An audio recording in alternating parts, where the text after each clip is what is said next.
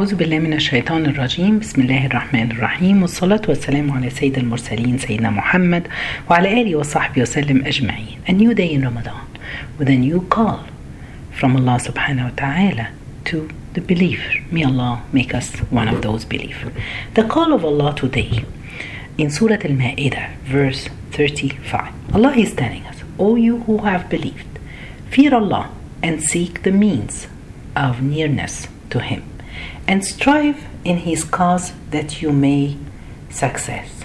Subhanallah. Allah subhanahu wa ta'ala here in the Quran, He's talking to the believer.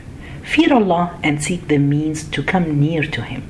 We want to be close to Allah and strive hard in His way. Maybe you will attain true success. So we are all urged to solicit all means which might bring them us close to God. Uh, subhanallah, Allah subhanahu wa ta'ala, He's all the means here. Let's strive by any way. What are the ways that we can come close to Allah subhanahu wa ta'ala? Coming close to Allah, things, a lot of things that we will talk about it today. But before I talk about this, I just, I'm gonna give you an example. If there is a, a businessman or a, a leader of any of the countries. He is very rich. He has power. He can. He have a lot of jobs. Can offer to people. He have money. He can help. All these things, but people cannot reach him. Why? Because no way to reach him, or he doesn't answer his phone, or he doesn't come to meetings or he apologize if you try to meet with him all these things.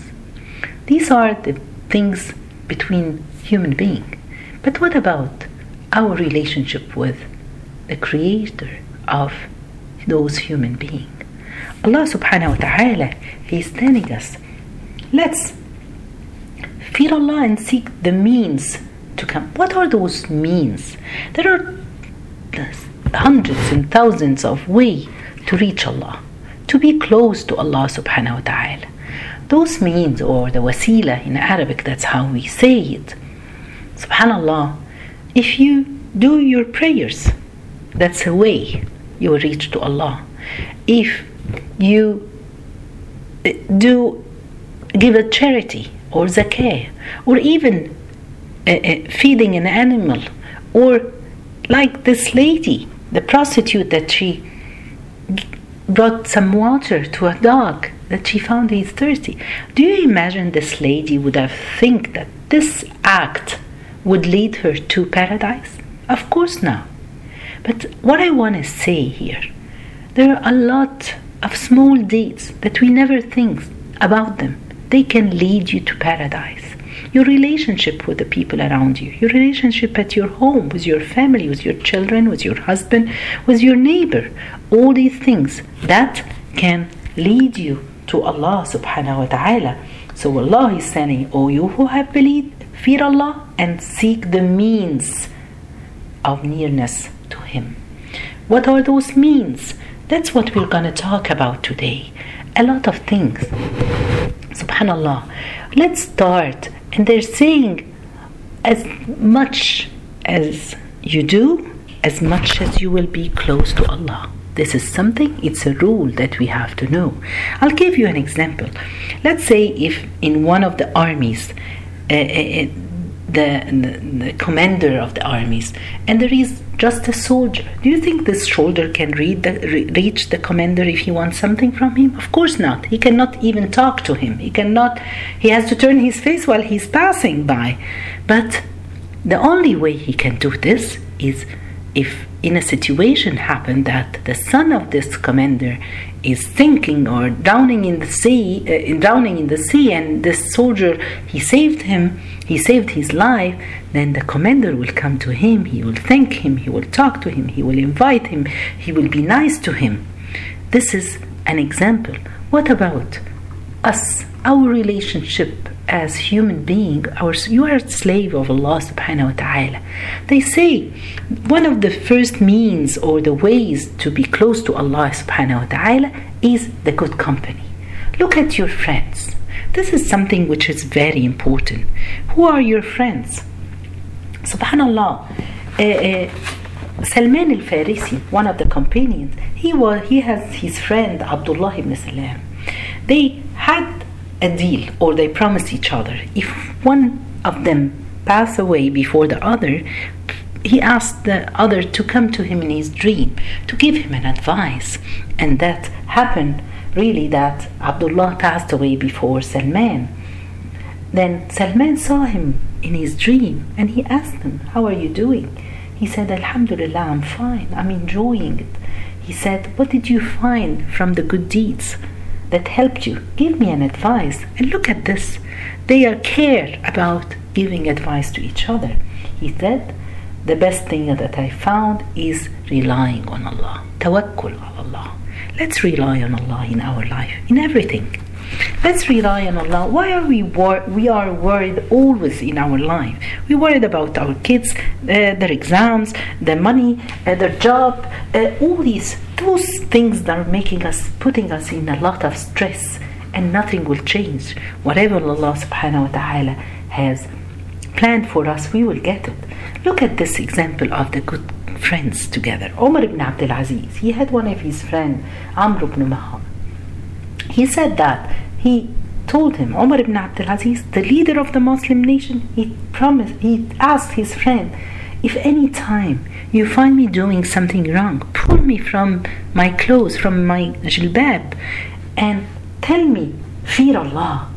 Nowadays, if I tell anyone, tell his friends, fear Allah, or somebody, what? What do you think? I'm a good person and I'm, this is gonna be a big problem what we need now, guys, is to look for the good friends, good company. That's what you need. Because, okay, uh, I've read a book. This book, uh, the title of the book is, they said, Things That My Dad Didn't Tell Me About. In this book, the author, he wrote a, a, a rule. He called it the rule 1840-60. What is this rule? uh, he said on the age of 18 people they care too much about the opinion of others about them in the age of 40 he discovered that he doesn't care about other people around him what they say about him in the age of 60 he will dis- discover the reality that he didn't think about it all his life that he was worried about people around him at this age of 60, he will discover that no one around him, he shouldn't care about the, I, the, the opinion of anyone around him. What I want to say here, that choosing the good people to be your friends is something very important. Caring about the people around you, it's nice, but sometimes we exaggerate about what people are gonna say about me. Subhanallah. Look at this example. Two of the uh, uh, scholars or good people, Muhammad al Madr, and he was walking with his friend. Then the uh, the the the the, the lace of the shoes of uh, Muhammad uh, was ripped, so the shoe came out of his foot. So his friend took off his shoes too. When he asked him, he said, I just want to show sympathy with you. These were the kind of relationship between people. If I'm talking about the kind of relationship between husband and wives, this is something we really care and we need it at your home. I can, this can be a means or a way to be close to Allah. Your relationship inside your home with your husband or your wife I'm talking to both of you, husband and wife. When we look at the Qur- in the Quran, when Allah subhanahu wa ta'ala is talking about the relationship, a family relationship, always talking about mercy. When Allah is talking about a man and a wife, He's talking, He made them eh, mawadda wa rahma, and love and mercy between them. When Allah is talking about fathers and children and mother and father, He's talking about the mercy again. When Allah is talking about the, the, the family member, He's talking about the kinship about mercy too. They call them silat rahim. That's how it's in Arabic. So what I want to say here, let's have good relationship, families inside their home. Where is the love now inside the homes? People now, or with this technology that we reach now, each one, uh, uh, the social media, it's not anymore social media.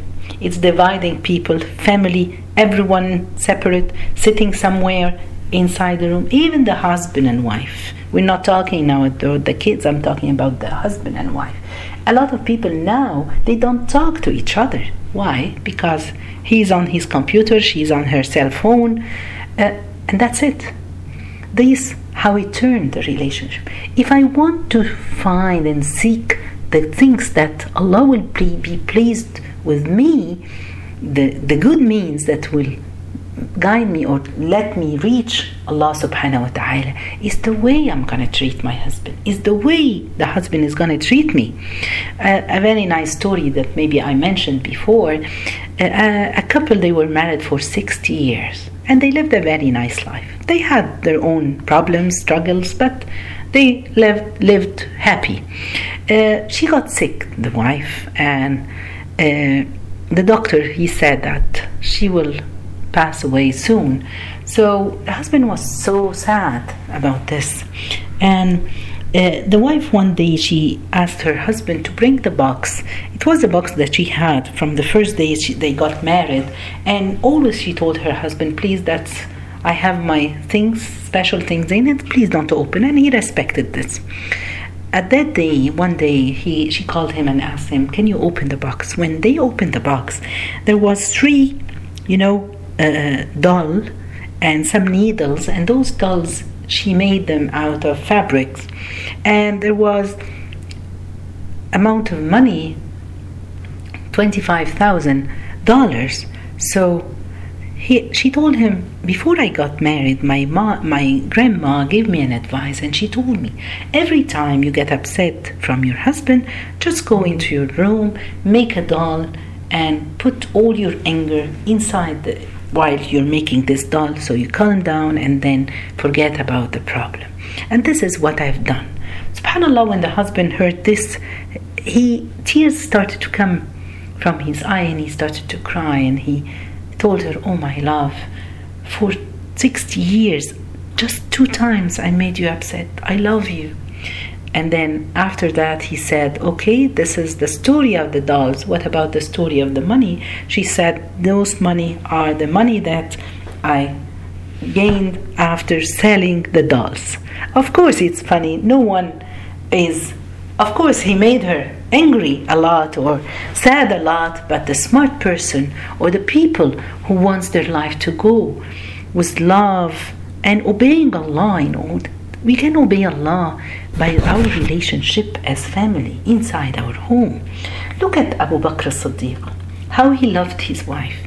Before he passed away, he made a will or he asked a, a, a strange thing. He said, When I die, I want my wife to, Asma bint Umays, to wash me. Subhanallah. He said that because I love her and that's what I prefer that she do for me. This is an example. Look at Ali ibn Abi Talib, the cousin of the Prophet, peace be upon him, and his wife Fatima, the daughter of the Prophet. They loved each other. One time she was having the suwak, like the brushing, the, uh, doing suwak for her teeth.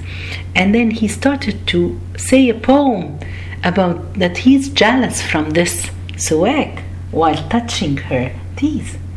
Do we have this now in our homes? That's what we hope. That's a way to please Allah and be live a happy family. Abdullah ibn al-Mubarak, he used to travel one year going traveling to Hajj and another year going for fighting for the sake of Allah subhanahu wa ta'ala. And one time he was in Hajj and he missed his wife. What did he do? They didn't have cell phones at that time. He wrote her a letter telling her that I miss you.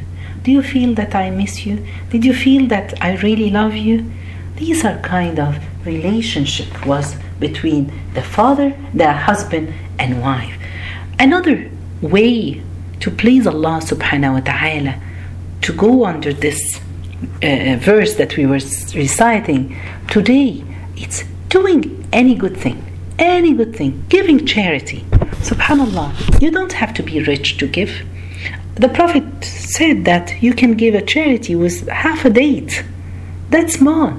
And subhanallah, when you give a sadaqah or a charity for someone and you are in need of this thing, the reward is much, much more from the, than the rich person who give thousands of dollars because he has millions. Subhanallah, one time I was watching TV um, and there was a program, it was in Egypt, there was a program uh, that um, he he has a, a case that uh, somebody he needs to um, have he's going sick a sick person needs a donation for having an operation for uh, transfer the uh, bone marrow. And this it was going to cost 150,000 euro. It was a lot. So people started to call and giving donation. And one of those people who called he donated just 15 pound which is very little. He said, I'm sorry, it's, it's a small amount, but this is half what I have. SubhanAllah, after a month, the, the, the, they interviewed this guy. It was a young man, and he asked him, uh, and later on, subhanallah, somebody donate for the the money, the whole money for the operation, the rest what they had, and he donated for. He said, "I'm donating one thousand pound to this young man who donated the fifteen pound." After a month, the, they they invited this on this young man on the show, and he said that uh, when I saw that uh, you asking for this man for the operation. My mom, she is a sick person. She has heart problems. She told me, donate what we have. No one can feel of the sick other than the sick like them. So she told me to donate half we own, we we had, and I donated the 15 pound. Subhanallah, with the donation of this businessman who paid to him, and then he didn't have a job after that. They gave him a job. He found a job. Subhanallah, no matter what you're doing, small or big, everything it's there. As Allah subhanahu wa ta'ala, He's telling us O you who believed, fear Allah and seek the means, the means that will bring us close to Allah. Giving a small charity. No, it doesn't have to be a big one. I'll give you some examples, things that we can do. Just opening the door for someone, smiling in the face of somebody, standing up for somebody who is handicapped or helping somebody who is elder, an elder person these are kind of things that will make us clear, close to Allah subhanahu wa ta'ala.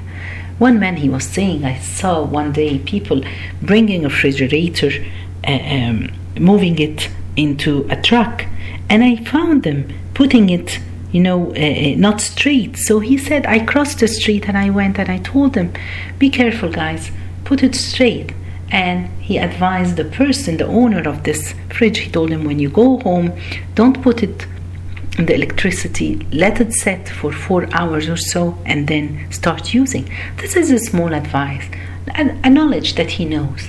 Whatever you have, just advise other people with. What I want to say, we have, let's have a promise. Think, plan, planning for what are the means or the good things that we were going to do so we can be one of those believers that Allah has talked to, me, to us.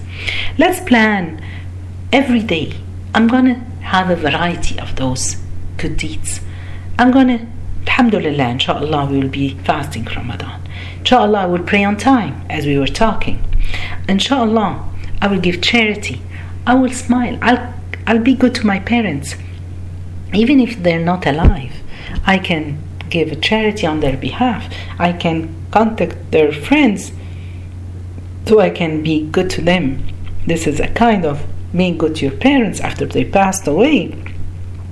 I can tons of things guys we can do just plan don't let any day pass from ramadan without having hundreds tons of good deeds that you're aware of and you're doing it just for the sake of Allah. May Allah subhanahu wa ta'ala open doors for us. May Allah subhanahu wa ta'ala accept and make us of those believers who seek the means to be close to Him and strive in His cause that you may succeed.